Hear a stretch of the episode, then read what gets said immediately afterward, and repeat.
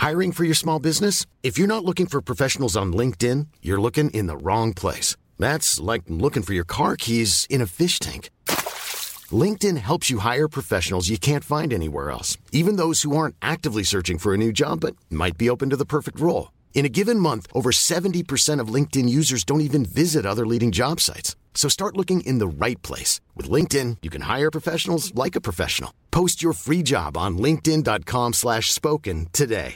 Hello, this is Danny Pellegrino, host of the Everything Iconic podcast, and I'm here to tell you all about Splash Refresher because hydration is mandatory, but boring is not. Now, I love my water, but if I don't spice it up, I'm not going to finish what I took out of the fridge. That's why I love my Splash Refresher, which is flavorful, delicious, bright, hydrating, and zero calories. The wild berry flavor is my fave. No, wait, is the pineapple mango flavor my fave? You know what?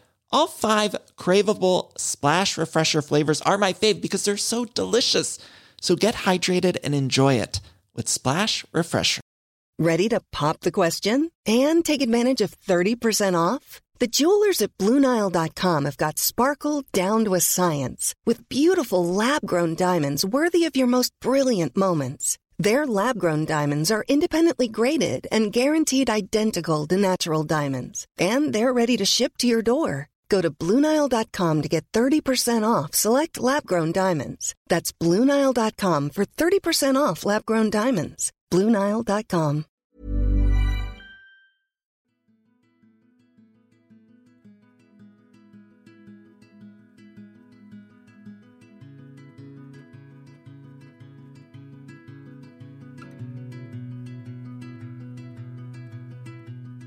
Hej och varmt välkomna till podden Sorgsnack. Det här är en podd som berör allt som har med sorg och svåra förluster att göra. När livet inte blev som vi hade tänkt, när något oväntat händer och hela ens liv vänds upp och ner över en dag och när vi tvingas ta farväl av någon vi älskar. Min förhoppning är att genom podden bidra till att hjälpa andra människor ge stöd, utbilda och sprida kunskap och inte minst inge hopp. Jag som gör podden heter Lia Persson, är journalist i grunden och även certifierad handledare i sorgbearbetning. Idén till podden föddes ett år efter att jag förlorade mitt första barn. Det här var början på mitt nya liv. Livet som nybliven mamma och samtidigt änglamamma. Hej och varmt välkomna till ännu ett avsnitt av podden Sorgsnack. Så kul att ni är tillbaka. Idag har jag med mig Rita Wikström från Trygga Samtal som är både certifierad anhörigterapeut och eh, certifierad stressterapeut. Och jag blir såklart jättenyfiken på det här, men jag ska först och främst hälsa dig välkommen. Tack så jättemycket. Så fint att du sitter här idag. Kan du berätta vem du är för våra lyssnare? Och lite din bakgrund och eh, ja, vad du själv har upplevt eh, inom sorg och svåra förluster. Hur lång tid hade vi sa du?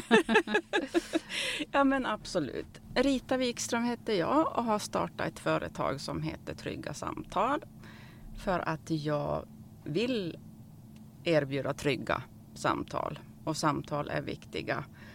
Och eh, min väg till att bli anhörigterapeut och stressterapeut är ju jättemycket baserad på egna upplevelser och erfarenheter. Den eh, stora saken som jag har med mig i bagaget, det som ligger längst bak om vi säger så, eh, är att jag är uppvuxen i ett väldigt dysfunktionellt hem. Där eh, hot och misshandel fanns hela tiden. Och eh, då var det min far som var den eh, främsta i det. Men det, det, finns ju alltid många delar i allting. Men det här resulterade då i att Eh, mina föräldrar dog 1987. Och det var genom att min far sköt min mamma och sen sig själv. Och kvar blev jag och min lillebror. Jag var 20 år och han var 12. Oj. Ja. Ja, hur, hur berättar man sånt? Ja, ja men det, det är verkligen en historia att bära på. Ja. En stor trauma, tänker jag. Absolut, och det är ju det som ligger i grunden till... Den har ju påverkat mig väldigt mycket. Eh, just också ur den aspekten att sorgen blev faktiskt så stor att jag stängde av. Eh, jag minns när jag, vi hade begravningarna. Och eh, begravningarna var för båda. Först pappa som begravdes i Haparanda. Och sen mamma. Och hon, skulle då, hon begravdes då i Torneå som är över gränsen eh, till Finland då. För att hennes önskan var att hon skulle bli fri från honom åtminstone då. Och jag sitter i bilen och tittar ut genom vindrutan och ser liksom likbilen och mammas kista där. Och jag känner att det här går inte. Det här är så sjukt att jag ska köra bakom den här likbilen över till begravningsplatsen och liksom behålla förståndet. Och i den stunden så kände jag bara att nej, alltså jag, jag, jag klarar inte det här, jag orkar inte. Så att jag stängde av. Men var du Eh, själv i bilen då? Nej, utan jag hade ju hela tiden min li- lillebror med mig och eh, eh, och hade även ett par kompisar med i bilen och så här. Men att man är ju gärna som i en egen bubbla ändå. Det, det är ju ett vakuum, du, du vet ju. Det, det är liksom chocken och sorgen och liksom allting blir ju en bubbla. Och begravningarna var ungefär två veckor efter eh, själva dådet, eller tre veckor, minns inte exakt. Så att på sätt och vis så var jag ju mitt i chocken fortfarande. Men det blev för jobbigt och till saken hör att jag är ju också då Mm, stora syster och äldsta barnet och lillebror är då åtta år yngre och jag var ju liksom skapad för den här att jag skulle sköta allt.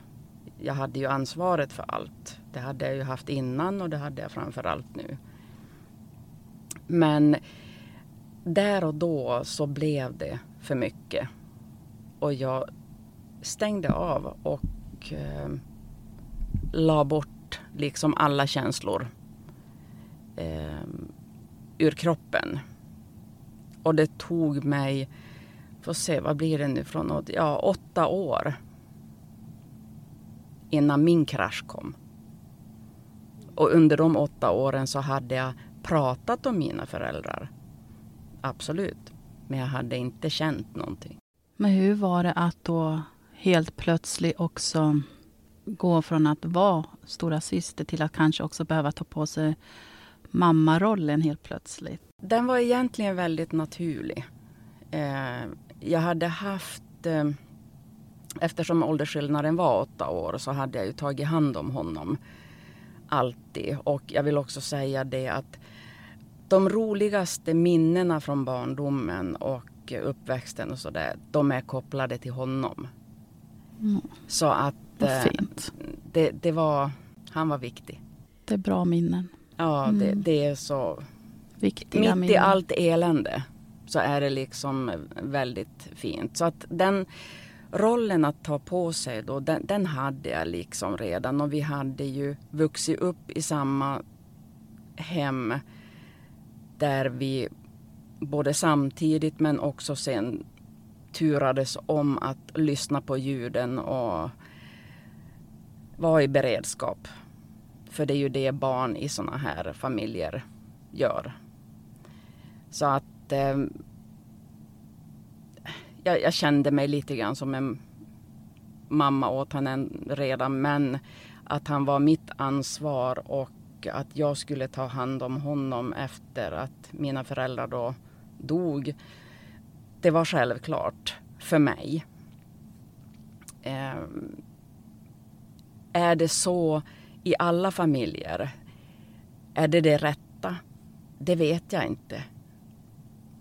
Eh, men det här är ju som sagt var, det här var 1987 och eh, även om eh, anhöriga idag kanske har mer hjälp eller barnen i sådana här familjer får mer hjälp när sånt här händer. För det händer ju tyvärr fortfarande. Ja. Eh, och, eh, men det, det, det fanns inte så mycket runt omkring som stöd då. Nej precis, jag kan tänka mig att det var ännu mindre då än vad det är idag. Exakt, mm. exakt. Och det, det, så att jag, jag gjorde det som jag var tränad för egentligen. Och det var självklart både för mig och lillebror att vi skulle fortsätta vårt liv ihop. Vilket vi också gjorde. Mm. Väldigt jag många. tänker att då är det liksom den här överlevnadsstrategin som slår in. Och... Precis, mm. för att vi, vi var ju överlevare båda två.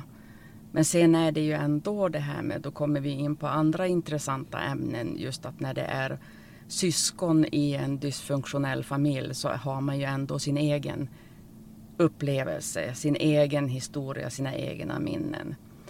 Och framförallt just också det här med hanteringen av sorgen. Och inget är fel. Nej. Utan det är överlevnad på olika sätt. Men kunde ni två mötas i sorgen och eh, pratade ni mycket om själva sorgen i sig? Som kom med att ni faktiskt förlorade era båda föräldrar samtidigt. Ja. Eller är det någonting som ni kanske har kunnat prata mer om på senare år? Ja, det är lite grann så att um, jag förstod och kände då när det... För det var så att jag var i Stockholm och med lillebror. Jag bodde inte hemma då. Eh, och, men min lillebror gjorde det, men var på skolan. Eh, och när vi sen strålade samman hos min eh, gudmor så kände jag att jag behövde få honom att reagera för att jag såg att han inte gjorde det. Och det visade sig också att han hade väntat på mig. Så att ja, vi, vi låg och kramades och eh, kunde liksom släppa fram känslorna där. Men sen blir det ju så mycket som följer. Och det är nästan så att man inte orkar med allting om man inte biter ihop en viss del. Redan där och då.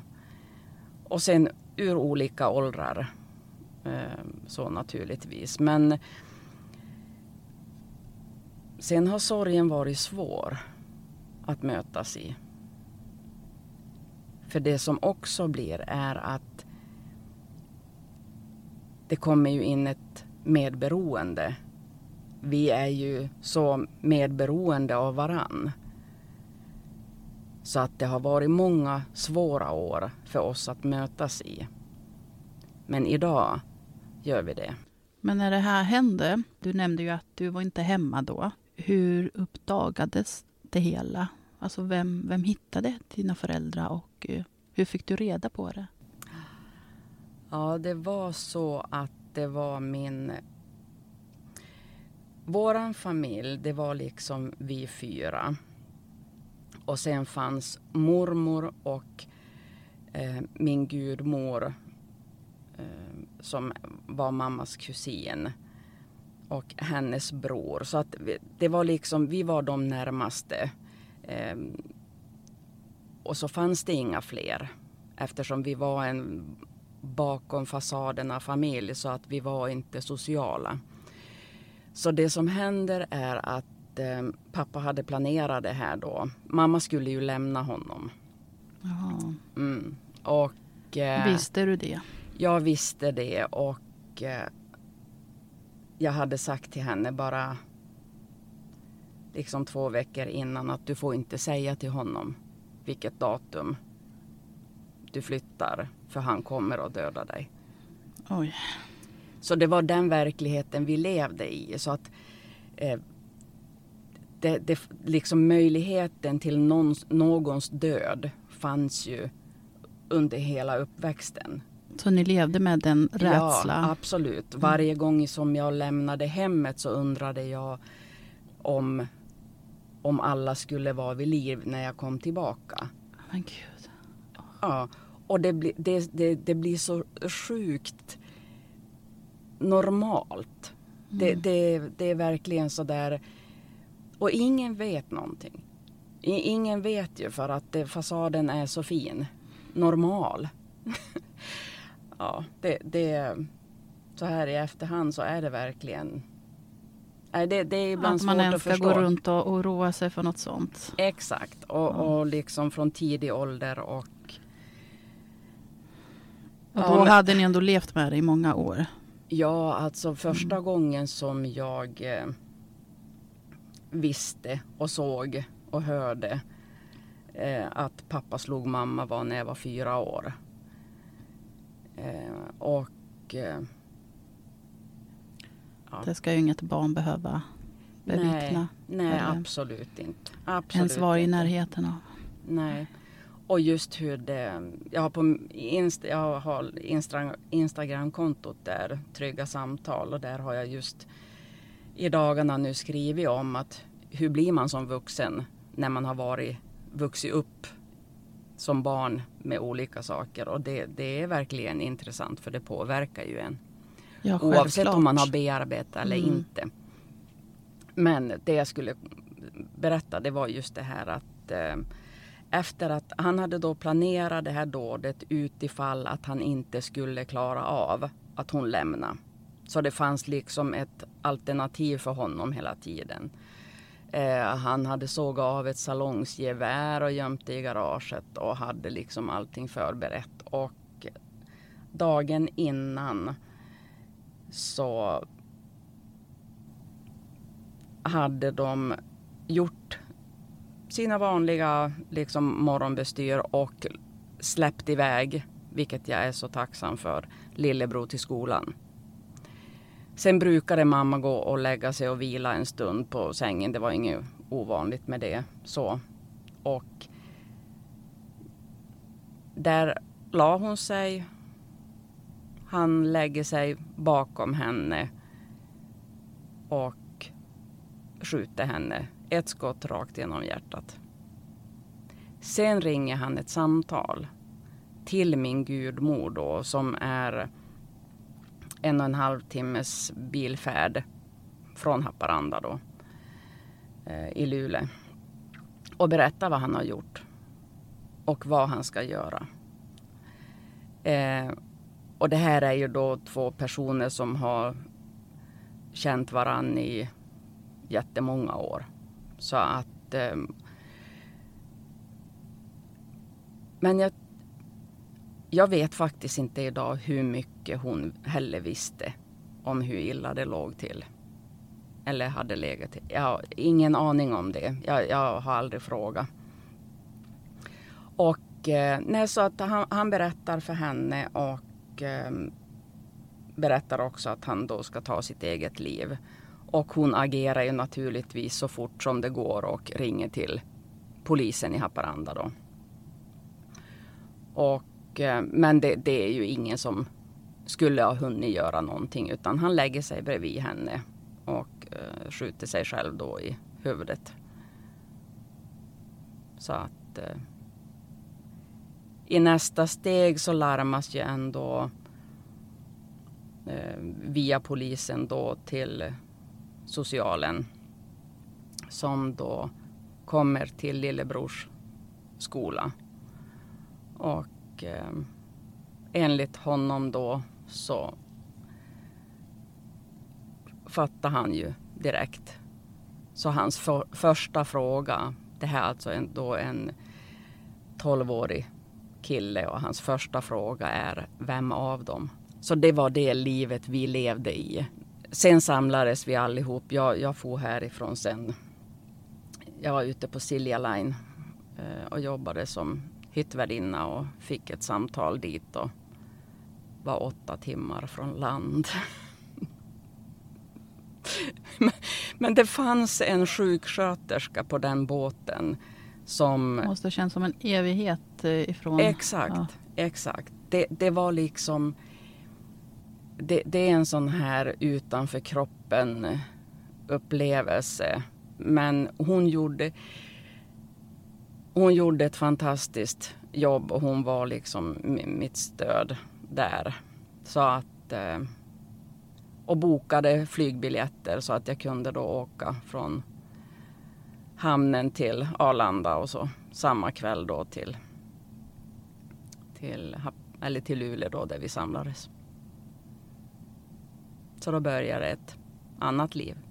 Ett tog slut och ett annat började. Ja, verkligen. Hur gammal var din mamma 48. när det hände? Väldigt ung ändå fortfarande. Ja, jo, de var båda 48 år. Så att eh, jag tänkte på henne mycket nu när det är allhelgona helgen som kommer också. Hon har även hade födelsedag den 15 november och skulle ha fyllt 85. Och det känns så overkligt. Det känns så ja, omöjligt. Och samtidigt så kände jag också att vad orättvist att hennes liv inte fick bli längre. Att hon inte fick uppleva mer.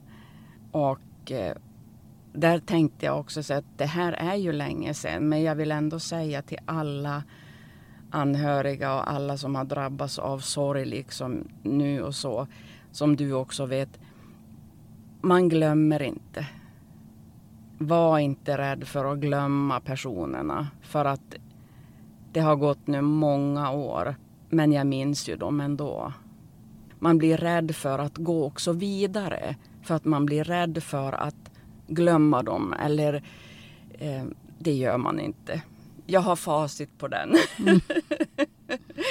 Du som har levt med det ett tag vet. Ja, och det, det, är liksom, det är framförallt de fina minnena som också blir det som ligger närmast. Jag tänkte, undra om hon kommer att ställa mig frågan vad sorg är för mig. Mm, det får du jättegärna utveckla. Så då tänkte jag, ja vad är ja. sorg för mig? För, för det kan ju vara solka för alla såklart. Ja. Så vad är sorg för dig?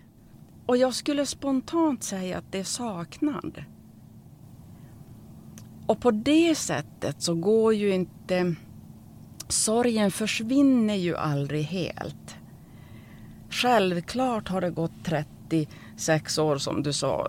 Och sådär. Det går ju länge mellan gångerna som jag tänker ens på dem. Men det gör jag ju. Och sorgen är ju inte bara det här att det som hände utan det är ju det här vad som kunde ha hänt men inte hände. Allt som inte blev heller. Ja, och just det där när jag sen blev mamma själv så är ju sorgen i att jag var så ensam.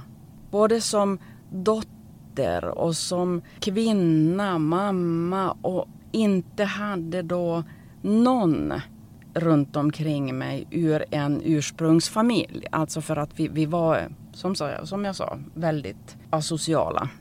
Sorg kommer i perioder.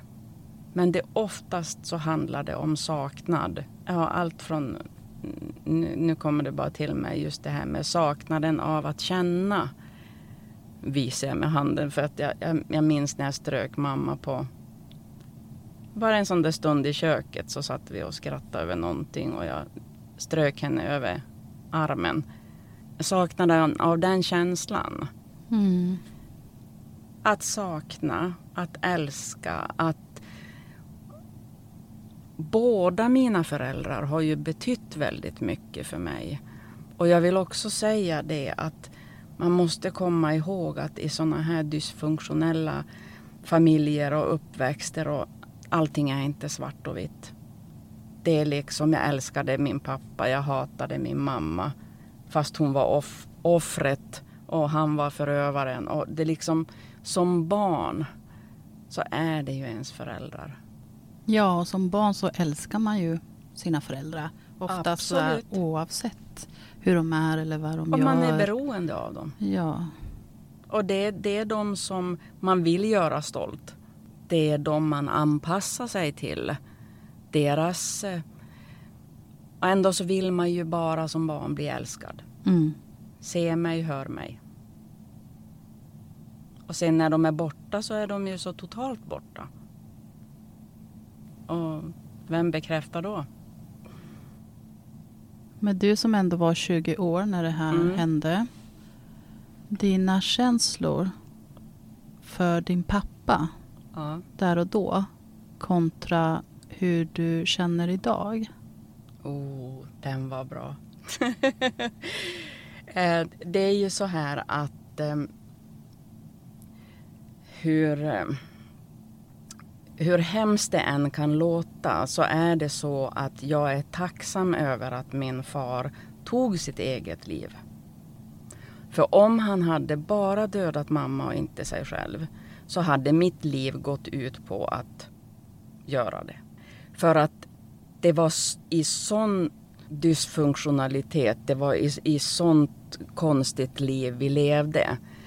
Att eh, det var han som var förövaren och det var han som fick skulden för allting. Och naturligtvis, han tog ju liv. Det var han som slog. Det var han som terroriserade liksom familjen. Eh, men, hon var ju inte helt oskyldig. Det, och det handlade alltid om deras relation i grund och botten. Ehm, och vi barn var som spelpjäser i det hela då. Men just där och då så var ju allt hat på honom. Och det var verkligen... Fullt förståeligt. Ja, och, och det, det, det måste man komma ihåg att det, det är liksom där och då. Ehm, Så du kände att han i princip gjorde dig en tjänst då genom att ta sitt egna liv? absolut. Absolut. För att mitt liv hade blivit helt förstört. Om han inte hade gjort det. Om han hade funnits kvar. Och det, det, det är liksom, för mig är det en ännu värre tanke liksom. Men sen är det också så här att jag växte upp och fick ju ha mina föräldrar liksom ändå åtta år själv innan min lillebror då kom. Och jag var pappas flicka. Så det var inte så svårt för mig att hitta kärleken till honom. Och kanske också då mycket just för att han fullbordade liksom sitt hemska dåd på det sättet. Eh, men pappa var också den mer min, min, min, min uppfattning, min känsla, liksom så. Han var ju den som var skör egentligen. Det var ju därför han agerade på det sättet som han gjorde. Han var ju den som eh, hade djupa känslor. Sen att han inte hade verktyg att kunna Han mådde ju inte bra Nej. uppenbarligen. Nej. Och sen var det det att till exempel där så han... Inte för att rättfärdiga någonting, Nej, absolut inte. exakt. Men just Exakt. mår man inte bra, får man inte hjälp så Nej. fördjupas det också. Absolut. Och sen var det också så att ehm, han bad ju om liksom mer tid av mamma och jag vet att det är så kontroversiellt för att det är så många olika situationer i olika relationer. Men hos oss så var det så att han varnade henne och han sa det att jag orkar inte, jag fixar inte. Ehm, men det hade ju gått så långt så hon, mamma var ju bara bitter och också destruktiv. Liksom på det sättet att nu jäklar, jag orkar inget mer. Hon hade väl fått nog. Exakt. Också fullt Mm. förståeligt. Ja. Ja. precis. Men då blev hon tyvärr inte sitt smartaste. Och det, men det, det, måste man komma ihåg, hon hade inget stöd. För hon hade inte liksom hennes egen mamma, min mormor tyckte att men ska du nu ändå, men inte ska du väl lämna. Och det är som så här, oj. Det, det är så hemskt. Så att, men det, det blev liksom på ett sätt, det kunde bara sluta på ett sätt. För det, det var verkligen så kaotiskt och så... Så att man... Jag önskar ju att sånt inte händer så mycket idag, vilket det då ändå gör. Det, vi är många barn som har blivit kvar. Män som slår och dödar. Och, så det finns fortfarande jobb att göra. Men absolut, min syn på honom idag är ju annan. Ryan Reynolds here from Mint Mobile. With the price of just about everything going up during inflation, we thought we'd bring our prices down. So to help us, we brought in a reverse auctioneer, which is apparently a thing. Mint Mobile unlimited premium wireless. Ready to get 30, 30, bit to get 30, bit to get 20, 20, 20, bit to get 20, 20, bit to get 15, 15, 15, 15 just 15 bucks a month. So, Give it a try at mintmobile.com/switch. slash $45 up front for 3 months plus taxes and fees. Promo rate for new customers for limited time. Unlimited more than 40 gigabytes per month slows. Full terms at mintmobile.com. I'm Sandra, and I'm just the professional your small business was looking for. But you didn't hire me because you didn't use LinkedIn Jobs. LinkedIn has professionals you can't find anywhere else, including those who aren't actively looking for a new job but might be open to the perfect role, like me. In a given month, over 70% of LinkedIn users don't visit other leading job sites. So if you're not looking on LinkedIn, you'll miss out on great candidates like Sandra. Start hiring professionals like a professional. Post your free job on linkedin.com/spoken today. Hur skulle du beskriva att den är? Jag... Ehm, eftersom jag har jobbat väldigt mycket med självledarskap och, och eh, personlig utveckling och naturligtvis till slut så gick jag ju sen tre år i terapi bara att liksom en gång i veckan i tre års tid för att bearbeta själva traumat, själva liksom chocken och allt det här. Så att jag har lagt mycket tid på det. Och jag har ju naturligtvis då också accepterat mycket. Och kunna se det från olika perspektiv och inte liksom acceptans för att rättfärdiga någonting utav någons beteende. Utan för min skull. Att hitta en platå där jag kan vara och tycka om mina föräldrar. Båda två. Med alla deras tillkortakommanden. Och de hade ju också sina uppväxter och sina trauman. Och Det blir liksom mer förståeligt. Liksom människors beteende överhuvudtaget blir lättare att förstå när man har lite perspektiv från olika håll och kanter.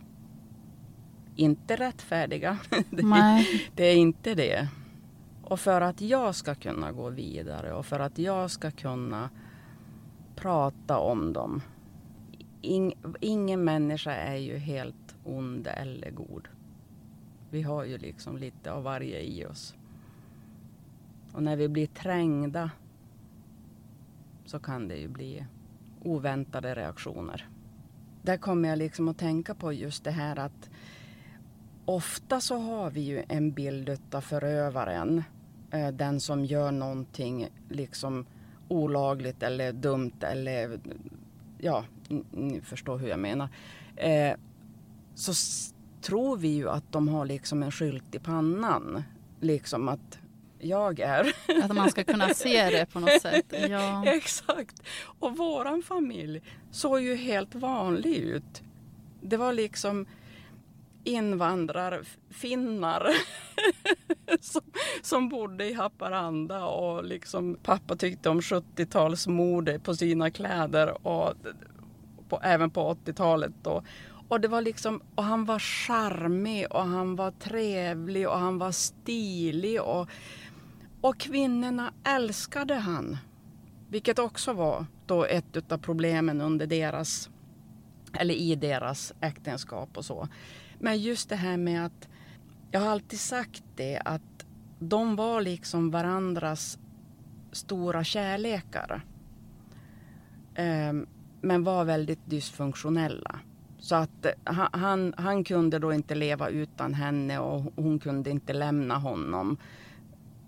Med all, det, det, finns liksom intressanta historier hela vägen och jag förstår att de på något sätt inte kom loss från varann. Så, vilket inte på något sätt är bra för barnen.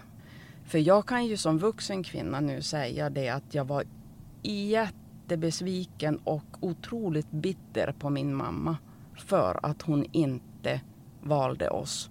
Ingen av dem tyckte att vi barn var prio ett. Nej, så. Mm. exakt. Så vi var ju aldrig på liksom den platsen. Utan vi var bara spelbrickor i deras dysfunktionalitet. Och som kvinna också sen när, när jag blev mamma själv och just det här med man, Alltså hur kan man Ja. Hur kan man inte prioritera? Men det är väldigt intressant. Hur har det påverkat dig i din roll som mamma?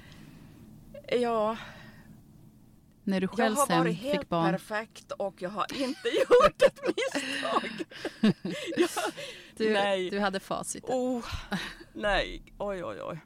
Um, Nej, men du förstår vad jag menar. Jag För det måste precis. ändå satt sina spår och sen så vill man ju självklart absolut inte göra de misstagen. Nej.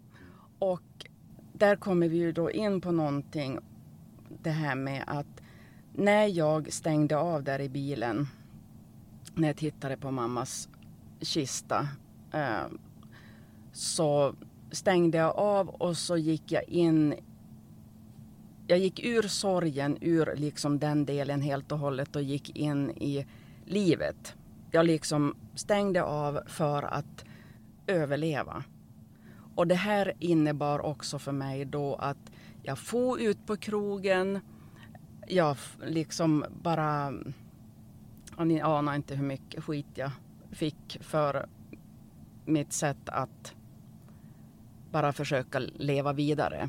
Så att jag, jag var ute på krogen bara några veckor efteråt eh, och jag träffar en man. Jag går in i en förälskelse. Helt med hull och hår. Och elva månader, exakt på datumet, efter att mina föräldrar dog så föds min son. Så där har du mammarollen.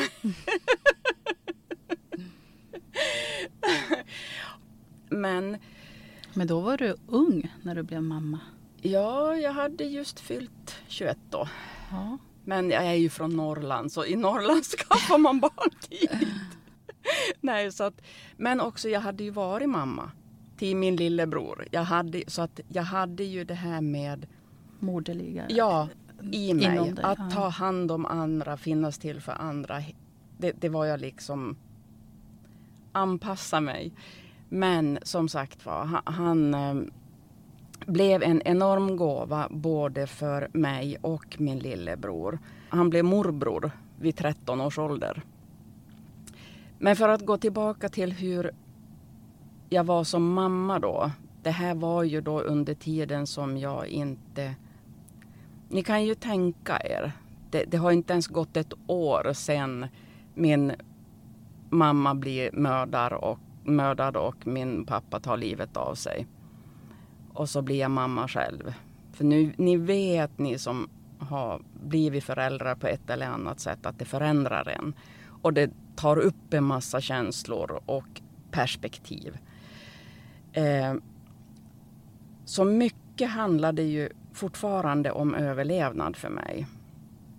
Jag blev ju samtidigt så var jag ju gjord för den här rollen och var mamma. Men jag var ju livrädd för allt. Så jag, jag var ju konstant rädd. Konstant orolig. Konstant splittrad.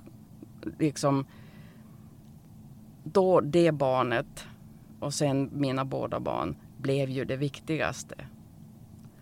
Så att männen, hur fina de än har varit och är, men om vi säger papporna till mina barn, kom inte på första plats. För naturligtvis så håller det ju inte någonstans. Liksom när man har ett sånt bagage eh, så blir det ju inte enkelt. Men jag har satt mina barn först, inte männen. Nej, helt Så korrekt. att det, det har jag med Mm. mig Mm. i bagaget. Liksom Mm. att jag kommer inte att göra det. Sen var det också så att jag kände ju också sen att jag inte riktigt var den mamma som jag ville vara ändå. Eh, och eh, fortsatte i sådana spår som jag hade vuxit upp med. Och det var ju för att jag inte hade bearbetat. Ja, nej, precis. Så att när min krasch, som jag kallar det för, kom då åtta år senare. Så från det så kunde jag liksom vända hela mig och lägga, hitta mina värderingar, mina prioriteringar. Eh, och då skilde jag mig också för andra gången då. För att få vara mamma. Få vara jag och få vara mamma. För någonting annat orkade jag inte. Och hur var det, jag är ändå inne lite och prata om dina barn. Hur var det när, när du berättade för dem? Vet de om, jag antar att de vet om det idag, men hur, när och hur bestämde du dig för att prata med dem om det som hade hänt? Det tog ett tag. För att det som jag alltid har tyckt faktiskt är lite svårt är just att berätta exakt vad som har hänt. För att det, har, det, det brukar väcka så mycket hos mottagaren. Och jag har Ja, det är ju en väldigt stark berättelse. Exakt, såklart. och det, det är så förståeligt. Samtidigt som det har varit jobbigt för mig för att jag har inte riktigt velat vara, jag har inte velat ha med ömkan. så Mm. det är liksom, jättelänge hade jag liksom en fasad om att, eller inte fasad, men jag ville definitivt inte att någon skulle tro att jag var ett offer. Det var, det, det var en jobbig grej. Och jag har aldrig varit ett offer. Jag har aldrig tagit offerrollen. Och jag lägger ingen värdering på det i den här stunden nu när jag pratar om det så. Utan vi reagerar alla olika på saker och ting. Men för mig har det varit viktigt att inte se som ett offer. För att jag har tyckt att, och jag har varit starkare än så. så men det var min värdering. Mm. Och då blev det ju också att, ja men hur ska jag berätta för ungarna vad som har hänt? För att sen är det ju lite svårt. Och när berättar man något Ja men sånt? precis. Och liksom att jag aldrig pratar om deras mormor och morfar. Och Ja, för de måste ha haft frågor om det, Ja. tänker jag. så väldigt länge så sa jag att de avled i en bilolycka. Båda två samtidigt. För att för barn så är ju det lättare att förstå. Och det blir inga följdfrågor som jag kanske inte var beredd att svara på. För att det är svårt att veta exakt. Eller Eller kanske inte ens hade svar på själv. För ibland Nej. kan det ju också vara så. nej, precis. Framförallt när det har med att göra om någon tar sitt liv. Så Ja. har man inte svar på alla frågor. Nej, och barn är ju så underbart filterlösa att de kan fråga varför. Och så tror vi också ibland att vi måste berätta mer detaljerat än vad vi egentligen sen behöver. De nöjer sig ofta också med ett snabbt svar. Så att jag, jag liksom kom undan med det. Eller jag skulle säga att jag tyckte att det var en bra idé. För att det gjorde också att de inte behövde grubbla. Jag var så rädd för att de skulle grubbla och må dåligt över det. Men hur gamla var de då? När du väl berättade? Det, det är en bra fråga. Det, som sagt var, men jag tror att de var i tonåren. I tidig tonår båda två. Innan jag berättade till dem. De var inte i tonåren samtidigt. Så att, men jag tror att båda var i tonåren som jag då berättade. Eh, och min, min dotter, eh, hon det är inte allt för länge sedan som hon sa just det att ja, men jag, jag, jag minns det som att vi satt där i köket och du ville prata om någonting allvarligt och, Och eh, ja, men sen, sen mindes vi som inte så mycket någon av oss egentligen så. Så att jag tror att mina barn har på gott och ont haft respekt för mig. De har känt att det har varit någonting. Sen kanske de hade... Min dotter har nog frågat mig, men jag tror att min, min son...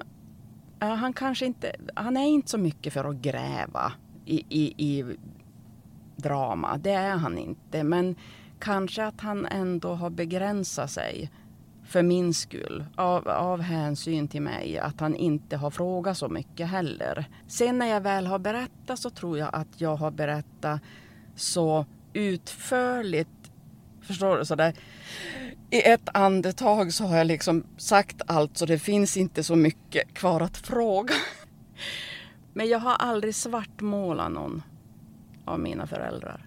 Det viktiga är just det här att göra sin egen bearbetning då. Och det hade jag ju gjort i det skedet som jag då berättade för dem hur det på riktigt hade hänt. Men jag har, aldrig, jag har, jag har inte haft svårt för att prata om det. Jag har haft svårare med hur mottagaren ska må. Ja, men det, det ansvaret ska inte du behöva lägga på dig själv tänker jag. Nej, men det är därför det är jag är anhörigterapeut idag. Ja, tyvärr så är ju just det man kan kalla för misstag, men det är misstaget många gör. Ja, ja det är ju det. Mm. Det, det är liksom, man, man tänker på andra. Nej, men jag ska inte vara besvärlig och jag ska inte prata om min sorg för någon annan blir ju ledsen. Ja, och jag, men det, det, är svårt. Vissa ämnen är ju svåra. Man vet inte riktigt när man ska ta upp det. Eller, men jag tycker inte heller att man ska prata med alla. Man ska prata med de som man känner förtroende för. För att det är då du får de bästa reaktionerna. Men jag hade ju tillitsproblem så länge så att jag, jag litade ju inte på någon. Sorg är och sorgbearbetning, och det vet ju du med den utbildningen som du har inom sorg och så att det, det, hur individuellt det är och sen har det ändå lika steg för allihop och det är normala steg och så backar man igen och så kommer man på att man inte har tänkt på det ett tag så får man dåligt samvete och så, ja, det är så mycket. Därför så jag tänkte just det här med att jag är anhörigterapeut. Det är ju den här anhörigrollen, de som blir kvar, de som lever vid sidan av, de som dras med när någon annan styr händelser eller död. Eller liksom, det är en tuff roll att vara i. Och som barn så är du liksom anhörig till dina föräldrar, hela liksom den biten och är helt maktlös. Men även när du, du blir 18 och är myndig, du får ju inte någon mer makt då när du är i den dysfunktionella delen. Eh, så att anhörigrollen innebär att du är den som blir kvar. Eller det är du som står bredvid när någon har psykisk ohälsa eller sorg eller vad det än är. Och mitt hjärta har alltid klappat så varmt för den rollen just med mitt, liksom min historia. Mm. Och också sen att ja, men när mina föräldrar dog så dog de ju. Men vi var kvar. Mitt i allt. Och anhörig kopplas ju ofta ihop med medberoende och så.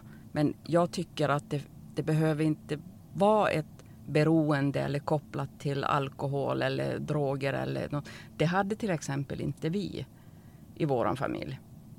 Nej, det fanns inget sånt. Nej, Nej, självklart så drack de men inte onormalt mycket och självklart så blev det alltid värre när alkohol var inblandat. Men det var inte det som var största problemet. De här hoten och psykiska liksom, pressen och stressen den pågick ju hela tiden. Det var inte så att, men, så att just anhörig till någon annan helt vanlig som drabbas av någonting. Vart vänder man sig då? Det är en bra fråga. Mm. Till mig. Ja, nu vet vi det till dig. Numera.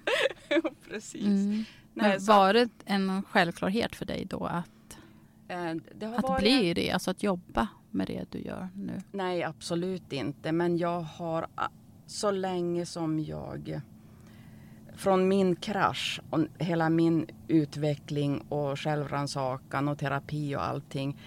Ända sedan dess så har jag ju velat ge vidare. Men redan under min uppväxt så kände jag att det måste finnas någonting bättre. Det måste finnas någonting annat.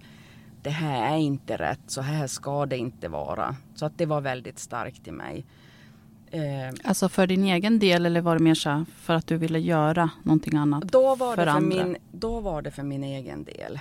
Men just det här med att eh, det, det liksom känslan av att vad som var rätt och fel. Och att kunna göra någonting mer och av det fanns redan då i mig. Någonting bra av det ja, hela? Mm. Ja, det måste finnas någonting bättre eh, än ett sånt här liv. Och när man är ung och liten och så, så kan man inte riktigt formulera allting heller utan det var bara en stark känsla mest.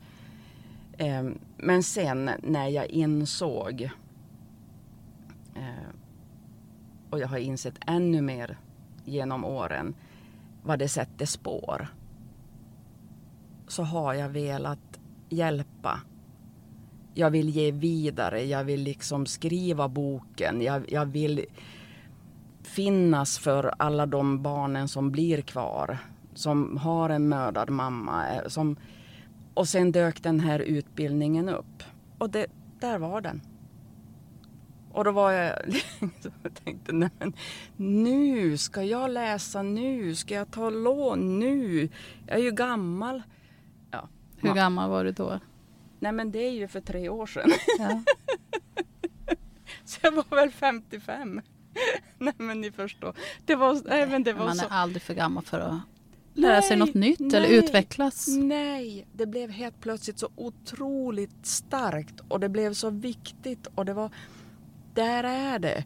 Där är liksom den här mojängen som knyter ihop säcken. Där kom det. Ja. Det du har gått och väntat på kanske. Precis, Mm. och så fick jag under utbildningen då sortera mitt eget och jag fick verktygen till att kunna då ge ut. Och så tänkte jag att då kör vi. Så då Mm. startade jag eget och ja, så att jag, jag vill göra gott. Verkligen. Det gör du ju absolut. Jättefint arbete du gör också med ditt Instagramkonto.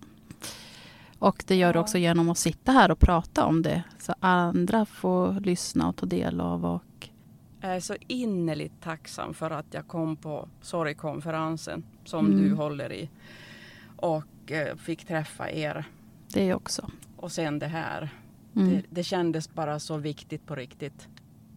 Både det du gör och att jag får vara delaktig och Tack. sprida kunskapen. Och då var det meningen att du skulle komma dit. Mm. Jag brukar säga så.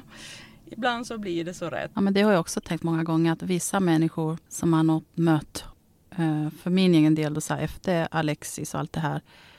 Att det bara blivit att vissa människor som man har mött, som har korsat ens väg, har verkligen bara känt så här, ja men det var bara menat att vi skulle träffas. Ja. Och just att om man tänker på det här med att ursprungsfamiljen behöver inte alls bli den som blir den närmaste. Utan de här människorna som du säger som kommer längs ens väg då och det känns bara så rätt och det känns kanske tryggt en stund och det, eller roligt och, och det behöver inte bli en livslång relation heller. Men att just där och då släpp in den människan. För känns det bra så är det liksom menat på något sätt. Och framförallt om det kommer ur någon sån här viktig sak som sorg eller trauma eller människorna som man möter i de stunderna, de brukar bli betydelsefulla. Faktiskt. Och de kommer oftast av en anledning. Eller det finns ju oftast ja, en mening med det. Jag säger inte att jag tror på att det finns en mening med allt. För då skulle det vara att det fanns en mening att mammor, pappor och eh, andra förlorar sina nära och kära. Eller att man förlorar sitt barn. Och det finns ju ingen mening med det överhuvudtaget. kommer jag aldrig tycka. Att det finns en mening med att ett barn dör till exempel. Nej. Men däremot tänker jag just när det värsta har hänt. Ja. När det värsta har inträffat då. Att ibland så blir det liksom bara rätt, eller man ska säga. Ja, och jag håller helt med dig där om att liksom att hitta någon mening, tänka med lite vid vinkel att ja men den här personen är utsänd till mig av någon för att jag ska få lite stöd och hjälp och någon att luta mig emot lite grann. Mm. Och det finns ju inget rätt eller fel sätt att tänka på. Nej. Eller bara få lite perspektiv ibland. Ja. Mm. Och just det här med att jag har tänkt ibland att kanske att de, som mina föräldrar också, att de inte klarade av att lägga oss barn som på första plats medan de var i livet. Så är jag ganska säker på att vi har dem som skyddsänglar runt omkring oss. Det har jag liksom både känt, tro att det är så. Att de får en andra chans på det sättet. Så att, och alla får tro vad de vill. Liksom, mm. Vad som än tar dig igenom dina tuffa dagar. Mm. Vem ska säga att det är fel? Men jag tycker ändå att jag, jag väljer också att tänka att det är meningen Framförallt när, när det är någonting bra. Ja, man får ta vara på det då. Mm. Ja, och att vi är värd också att få lite hjälp. Men jag blir lite nyfiken på det här med stressterapeut. Kan du berätta lite om det också? Mm. Absolut, för stressen är ju någonting som eh, har funnits i mitt liv hela livet ända från uppväxten. Och det, det är liksom alla våra eh, traumareaktioner. Det är ju samma som stressreaktioner. Det är fight, flight, freeze and fawn. Det, det, är liksom, det är ju hela tiden det. Och när man har vuxit upp då på det där sättet som jag har gjort så har ju stressen varit så påtaglig hela tiden. Och eh, det har ju också satt sina spår i min kropp. Samma sak med sen när jag då stängde av och bet ihop. Um, det är ju en flykt. Men det kommer i kappen ändå, förr eller senare? Ja, och om vi säger så här, det sätter spår i kroppen. För att min kropp har blivit väldigt eh, medtagen av livet. Så att jag, jag lever ju med kronisk smärta. Och det, kop, eh, det är ju kopplat till stressen. Så att det här med stress är ju också lika som anhörigrollen. Men stressen och vad det kan eh, liksom hur det kan visa sig och vad det kan göra med oss och påverka oss. Ehm, den är ju lika, den går liksom i hand i hand för mig med anhörigrollen. Så att, ehm, och kanske ur lite andra perspektiv just det där att va, ofta så tänker vi på stressen att det är mycket på jobbet. Och det här är ju den här inre stressen där du känner att du inte klarar av till exempel vissa kommunikationssätt så blossar en stress upp inom dig och du vill bara fly. Eller att du blir stressad av en annan människa. Så att jag ser på stressen verkligen som en, en stor grej och en väldigt intressant del. Så att eh, det är de sakerna som jag brinner för. ja, men man kan faktiskt bli stressad av andra människors energi. Det har hänt några gånger faktiskt. Ja. Och är du då också, precis som i anhörigrollen och när vi har vi då en uppväxt där vi har varit stressade eller eh, medberoende och så i vuxen ålder så går du in i en relation så har du ju med dig det här och hamnar då lätt i situationer där om du inte har bearbetat eller är ens medveten om vad som har påverkat dig så kan det bli jättestressigt i kroppen. Och du vet knappt vad det är. Och du vet knappt om det är ditt eller om det är din partners. Och som du säger, vi kan bli stressade och reagera på en annan människa. Men när du vet vad du har i dig, med dig, så kan du lättare förstå det.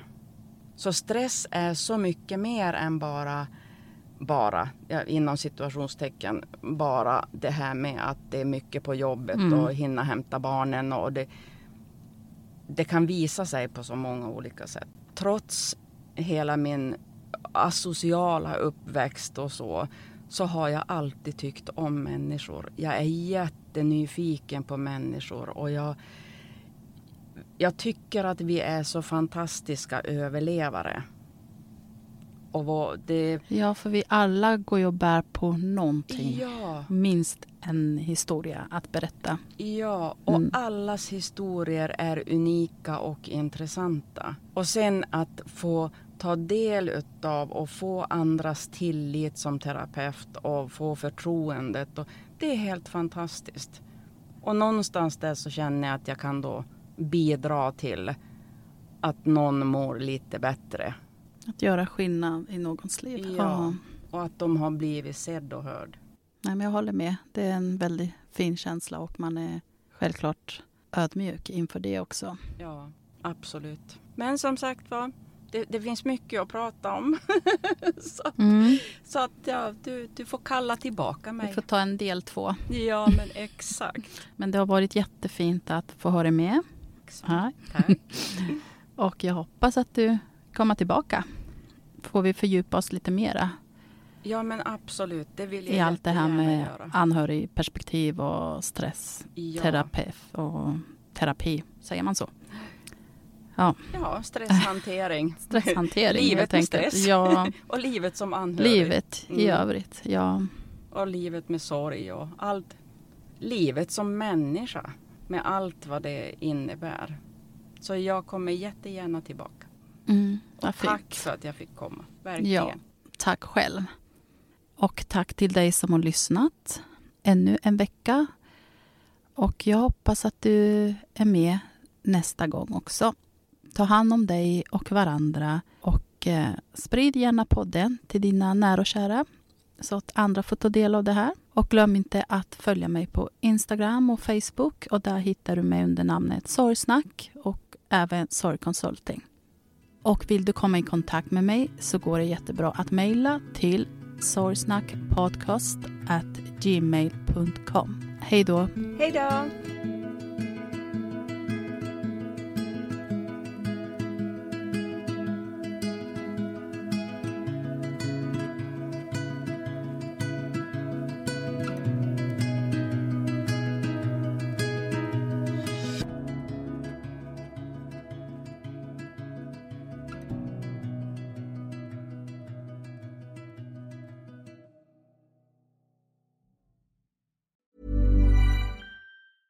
Imagine the softest sheets you've ever felt. Now imagine them getting even softer over time. That's what you'll feel with Bowl and Branch's organic cotton sheets. In a recent customer survey, 96% replied that Bowl and Branch sheets get softer with every wash. Start getting your best night's sleep in these sheets that get softer and softer for years to come. Try their sheets with a 30-night guarantee. Plus, get 15% off your first order at bowlandbranch.com. Code BUTTERY. Exclusions apply. See site for details. Hello, this is Danny Pellegrino, host of the Everything Iconic podcast, and I'm here to tell you all about Splash Refresher because hydration is mandatory, but boring is not. Now, I love my water, but if I don't spice it up, I'm not going to finish what I took out of the fridge. That's why I love my Splash Refresher, which is flavorful, delicious, bright, hydrating, and zero calories. The wild berry flavor is my fave. No, wait. is the pineapple mango flavor my fave. You know what? All five craveable splash refresher flavors are my fave because they're so delicious. So get hydrated and enjoy it with Splash Refresher. ACAST powers the world's best podcasts. Here's a show that we recommend. The Real Housewives is a guilty pleasure for most, but if you're looking to not feel guilty about that pleasure, tune in to Everything Iconic with me, Danny Pellegrino, where I break down all the messy moments and behind the scenes antics of Bravo's popular franchise. And on Everything Iconic, I also interview celebrity guests like Kelly Ripa, Kiki Palmer, Drew Barrymore, Cameron Diaz, and more about their guilty pleasures, their past work, and so much more. So if you're pop culture obsessed and find yourself watching way too much reality TV like me, tune in to Everything Iconic with Danny Pellegrino wherever you listen to podcasts. ACAST helps creators launch, grow, and monetize their podcasts everywhere. ACAST.com.